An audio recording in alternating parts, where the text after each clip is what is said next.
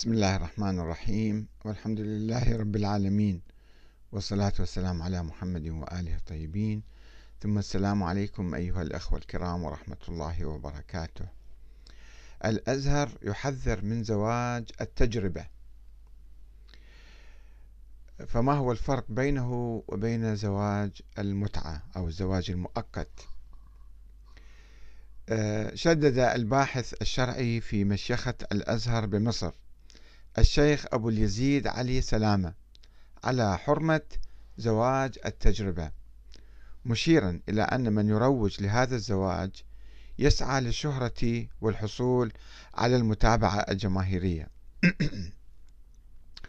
وفي تعليقاته حول زواج التجربة حذر أبو اليزيد علي سلامة من أن من يروج لتلك الأفكار يسعى للشهرة والحصول على المتابعة الجماهيرية.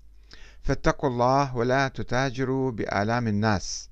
فلا يجوز أن نسلك طريق الحرام لبلوغ الهدف. فهذه الأفكار لا ترضي الله ولا رسول الله ولا حتى المجتمع. كما أعرب الباحث بمشيخة الأزهر عن استغرابه من هذا الموضوع وأشار إلى أنه من المتعارف أن يقوم الإنسان بتأجير شقة لمدة محددة. فهل يعقل أن يؤجر الإنسان إنسانا آخر لمدة محددة وأضاف متسائلا ما الفارق بين هذا وبين العلاقات غير الشرعية مقابل بعض الأموال؟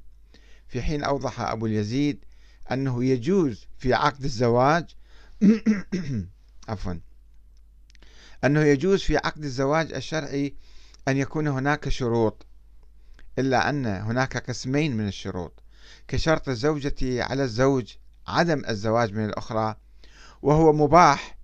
وأما اشتراط مدة للعقد فهذا يبطل العقد من الأصل لأنه يخالف معنى الزواج.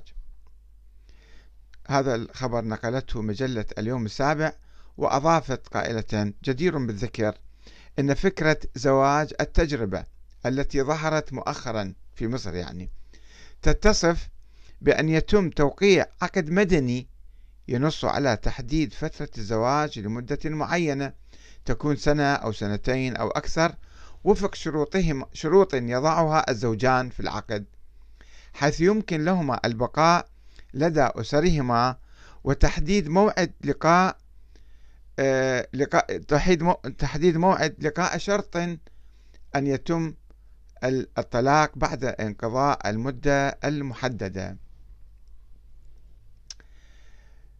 لذلك الأزهر يحذر من هذا النوع من الزواج ورغم آه، أنه يبدو كما تقول المجلة آه، أنه هذا يعني يتم بصورة رسمية وبصورة مدنية يعني يذهبون إلى المحاكم ويسجلون العقد وبالطبع المحاكم تنظر إلى كل الشروط الأخرى من الولي أو أو المهر أو الشهود.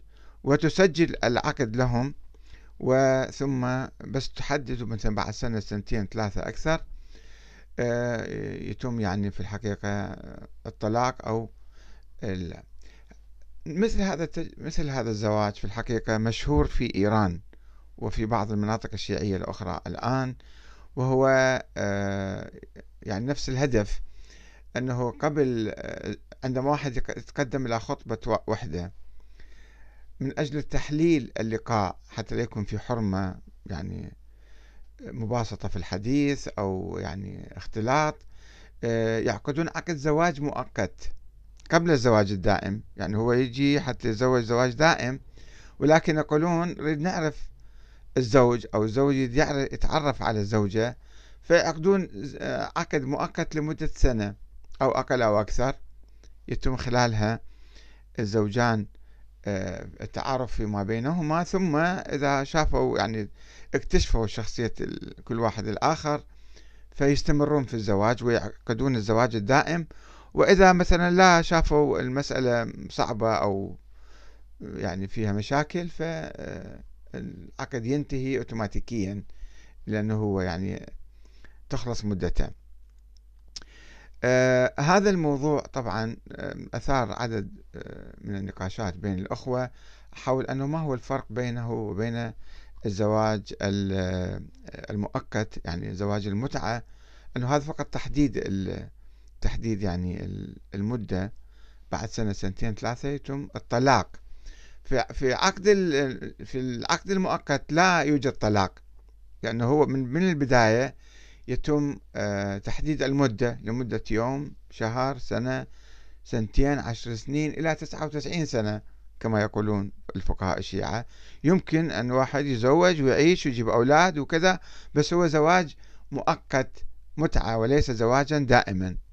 إذا صار 100 سنة يصير زواج دائم بس إذا 99 سنة زواج مؤقت. هو ينتهي أوتوماتيكيا. بينما هذا زواج التجربة لا يتم بعد مثلا يجب على الزوج أن يطلق.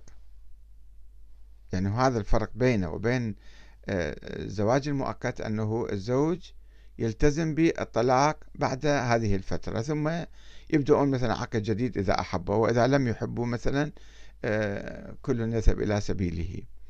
بعض الأخوة سألوا وقالوا طيب ما هو الفرق بين هذا الزواج والزواج الأبيض أو زواج المسيار؟ أو المصياف أو الزواج العرفي أو الزواج المدني. هذه كلها أنواع من الزيجات ومن العلاقات الاجتماعية التي تنتشر في الحقيقة آه، في بعض المجتمعات ولا أقول كل المجتمعات الإسلامية. الزواج الأبيض اللي منتشر حتى بإيران الآن وفي مصر وفي أوروبا وفي المغرب وفي بلاد أخرى أنه يتعايشون يتعايشون الفتى والفتاة الزوج والزوجة حتى بدون عقد. أو يعقدون عقد كذابي من أجل أغراض يعني قانونية من أجل الإقامة أو من أجل كذا يسموه زواج الأبيض. يعني هم ما يتزوجون. هذا في أوروبا معروف يعني. مثلا واحد يجيب وحدة أو وحدة تجيب واحد من بلدها أو من بلد آخر فيعقدون عقد ويسوون حفلة كذابية طبعا. وهم ما مزوجين وطبعا المسؤولون القانونيون دائما يعني يدققون في هذه المسائل. أو لا يعيشون مع بعض. وحتى السيد الخامنئي قبل سنتين حذر من هذا الزواج وانتشار هذه الظاهرة في إيران أن يعيشوا مع بعض بدون لا عقد ولا شهود ولا ولي ولا كذا. ولكن هم مثل زوجين يعيشون في بيت واحد. تحدثنا عن هذا الزواج في حلقة أخرى أعتقد العام الماضي. وهناك الفرق بين هذا زواج التجربة وبين المدني أو العرفي أو المسيار. المسيار زواج عادي زواج مكتمل الأركان ولكن آه، فقط آه، الزوجة تتنازل عن المبيت الشرعي. أنه من حقها مثلا آه، تبات معاه يقول أنا متى ما تحب تجي أهلا وسهلا بك مو مو لازم تبقى بال مع العائلة أو تبات في الليل لأنه هو مثلا متزوج وحدة أخرى أو حتى لو متزوج ما يستطيع أن يأتي مع الأطفال ومع الكذا فيأتي حسب الرغبة. هذا زواج مكتمل الأركان ولكن في تنازل عن بعض الحقوق عن حقوق الزوج أو الزوجة. الشيء الثاني الزواج آه، المدني الزواج المدني مثل ما يجري في أوروبا وفي سائر أنحاء العالم بدون شروط دينية. مثلا بالإسلام الفقهاء المسلمون يقولون يشترط آه، أن آه، توافق الأديان يعني واحد إما يكونون مسلمين اثنينهم أو المسلم يتزوج الكتابية هذا جائز. المسلمة لا تستطيع أن تتزوج الكتابي يهودي أو مسيحي. ولكن هذا في المحاكم الفقهية المذهبية لا يسجل هذا الزواج يرفضوه. ولكن في المحاكم المدنية في بعض البلاد مثل تونس أو بعض البلاد مطروح الزواج المدني آه، أنه يروحون المحكمة البلدية ويسجلون الزواج ويأثرون آه، على ذلك أو يعني يبنون على ذلك الآثار القانونية والاجتماعية والحقوق الأخرى أنه إذا جابوا أولاد وكذا يصير أولادهم ذولا. وفي بعض البلاد مثل لبنان إذا كان إذا كانت المحاكم المذهبية سواء السنية أو الجعفرية أو غيرها لا آه، تقبل بتسجيل هذا الزواج. يذهبون إلى قبرص يسجلون الزواج هناك ثم يعودون إلى لبنان ويتعايشون كصورة قانونية كأنهم زوجه في بلد آخر يعني سجلوه في ذلك البلد. هذا هو الزواج المدني اللي يروج للبعض أنه خلي إحنا نلغي الشروط الدينية الصعبة مثلا آه، حتى نعيش بحريتنا. الزواج